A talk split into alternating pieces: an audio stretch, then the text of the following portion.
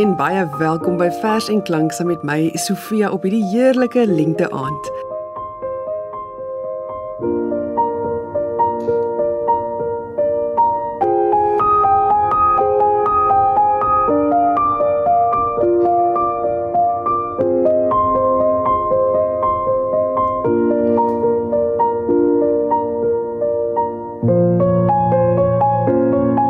Hoop jou ruitte staan sommer waawyd oop sodat die reuke uit die tuin jou kan bereik daar waar jy nou sit en draadloos luister. Hmm, wat ruik jy? Jasmyn? Verbleikblom? Dalk het jy 'n makadamia boom in die agterplaas en sy blomtrosse nou net net aan die oop gaan. Die vrugteboorde staan ook nou vol ritse bloeisels en al wat 'n boom is, se sagte nuwe blaartjies sit in sulke trossies aan die takke. Hulle spesifieke groen kleur lyk altyd vir my soos klontjies wasabi op die rand van 'n bord sushi. Die lengte is 'n jaargety wat nie ongesiens kan verbygaan nie. Dit is so uitbundig. Dit voel vir my die tyd van die jaar spring die veld en die blombeddings sommer so teen jou op soos 'n jong hond. Die lengte oorrompel ook jou sintuie. En ek raai jy kan seker vanaand die hooikoors in my toeneus en effens die stem hoor.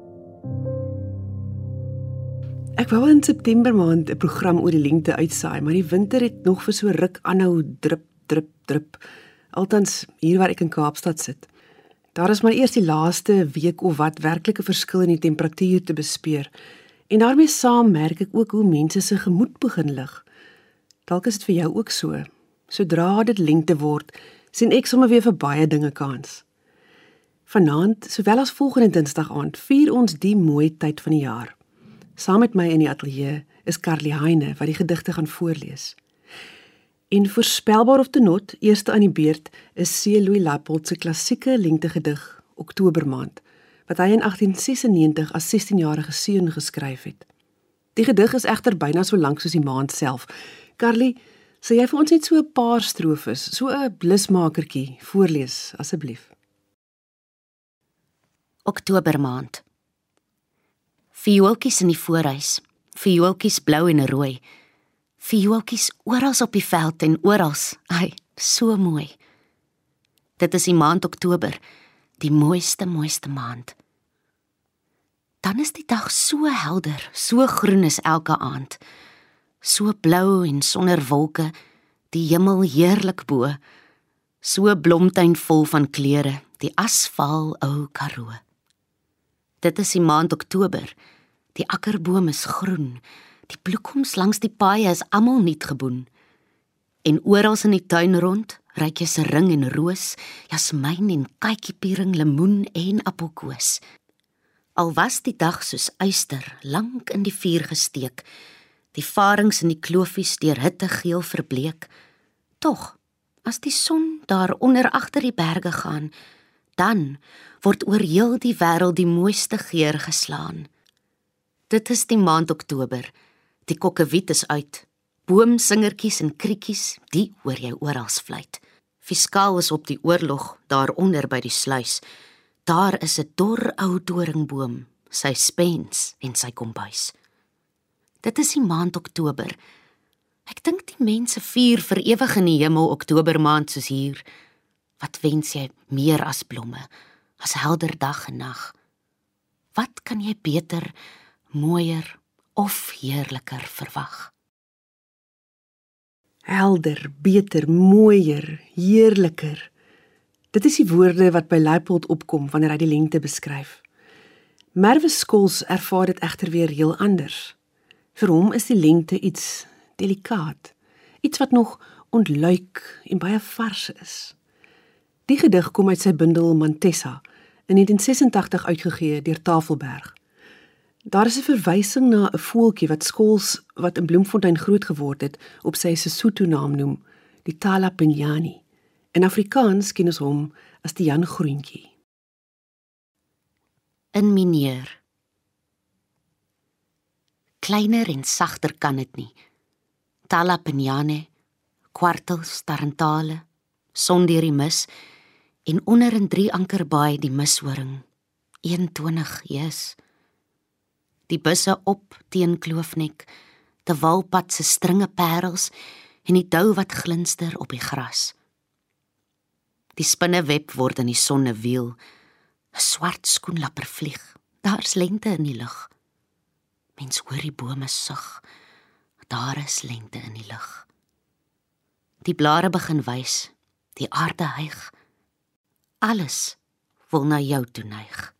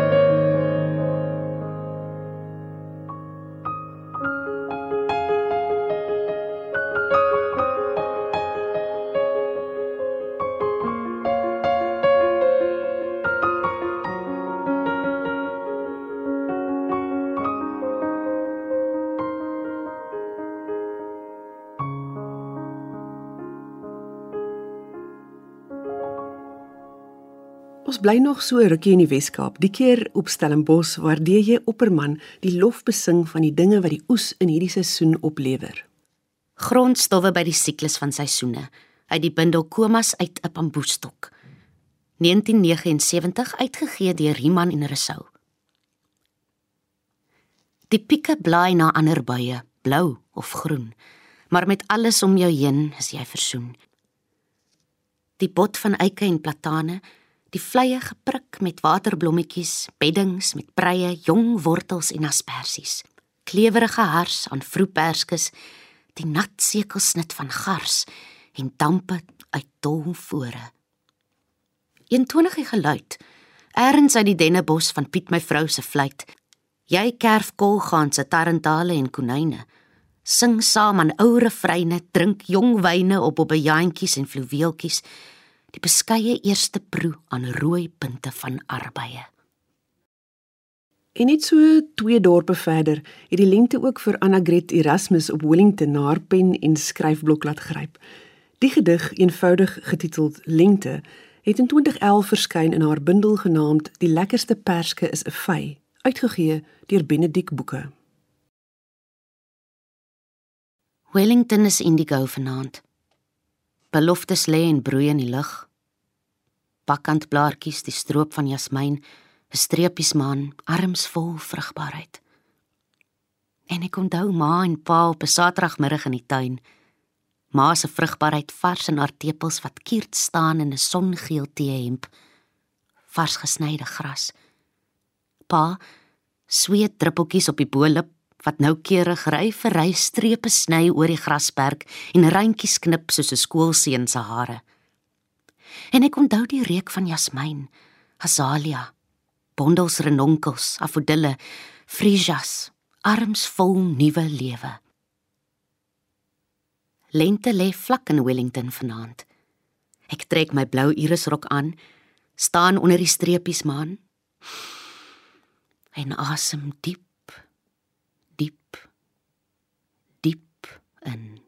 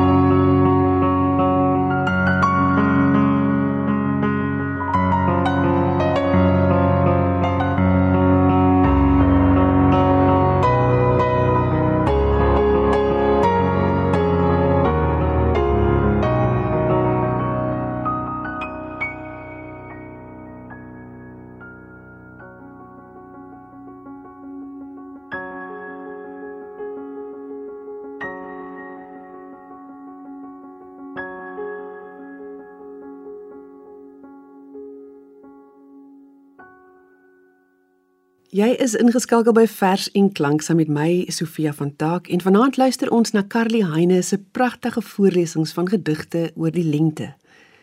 Ek vra om verskoning vir my effense stemmetjie. Dit is maar hoe ek op die beste van dae in die lente klink. Ja, die weekkoers is nie my maat nie. En dit was daar blyklik ook nie Stefan Bouwer se nie. Ek het die grappige versie raak gelees in sy 1969 bundel So sal ons uitpasseer. Onregverdig. Die lente bring vir ander mense nuwe liefdes en vir my weekkoers. Nog 'n kort versie, die een deur Ina Rousseau uit die bundel Kwiksilwer Sirkel in 1978 gepubliseer deur Himan en Rousseau. Die tweede geskenk. Die eerste van die laaste. Twee kwarte waarin die jaar haar randsoenblomme ontvang. Die eerste vrag word in 3 maande dankloos deur haar uitgesmy. En die tweede koester sy tot aan haar dood 'n driftige besitlikheid. A.G. Visser beskryf die koms van die lengte as wel die uitvloeisel van 'n risie wat die reën en die sonskyn gehad het. Altans die lengte het gevolg nadat die twee weer opgemaak het. Geboorte van die lente.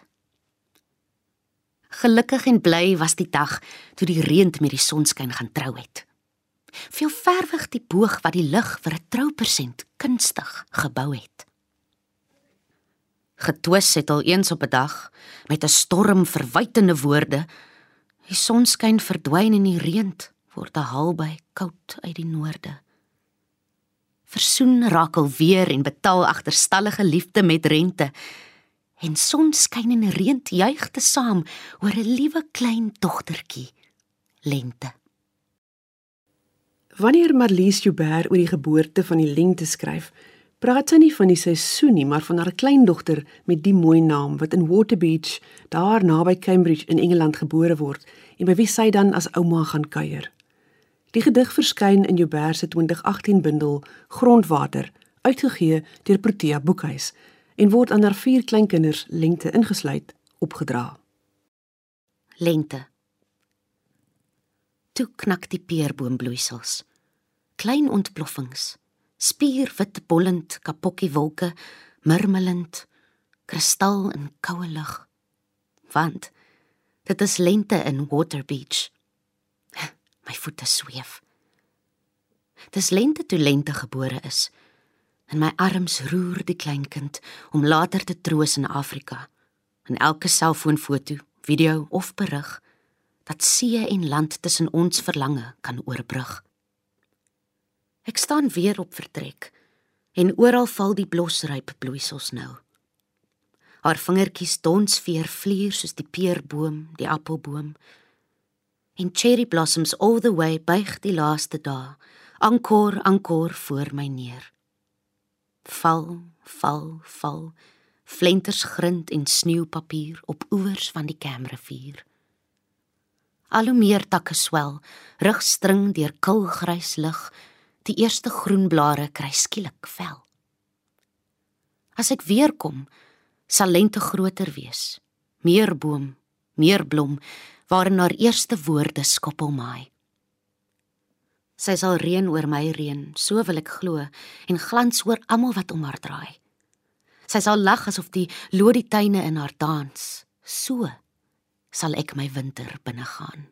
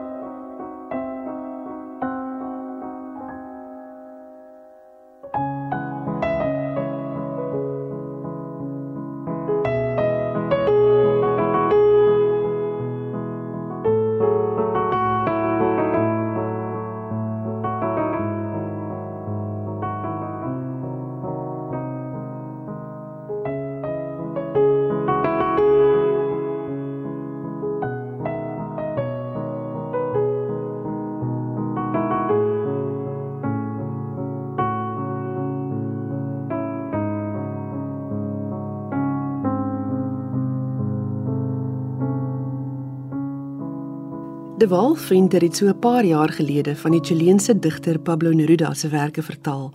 En dit het in 2019 by Naledi verskyn in 'n bundel genaamd Vandag is boordensvol. Carly lees volgende een van die gedigte. En dan sluit ons vanaand se program af met 'n Sheila Cousins vers. Maar skakel gerus volgende week weer in. Die lengte is nog lank nie verby nie en ek en Carly het nog 'n hele paar mooi verse wat ons graag met jou wil deel. Van my, Sofia. 'n Mooi aand vir jou. Die gesteelde tak.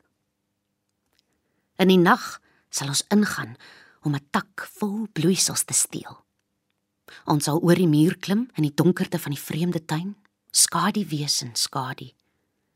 Die winter is nog nie weg nie en die appelboom verskyn skielik, omtower in 'n kaskade van geurende sterre.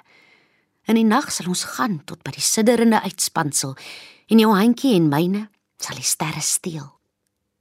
En stilletjies na ons huis in die nag en die skadu sal daar met jou voetstappe die stil voetstap van geurigheid inkom en met sterbesaaide voete die helder lyf van lente. Belofte deur Sheila Cousins uit die Swart Kombuis 1978 uitgegee deur Tafelberg. Die lente kom en reeds droom ek 'n feller son en brandende sand en blindende bloutes van 'n see. En teen die aand se kant wit kudde stof en skaap wat swel en stroom tussen bepoeierde sipres. Knotwilg en wilde roosbos deur. Hoe goed om te weet. Dieselfde hoeveelheid somer kom verseker weer.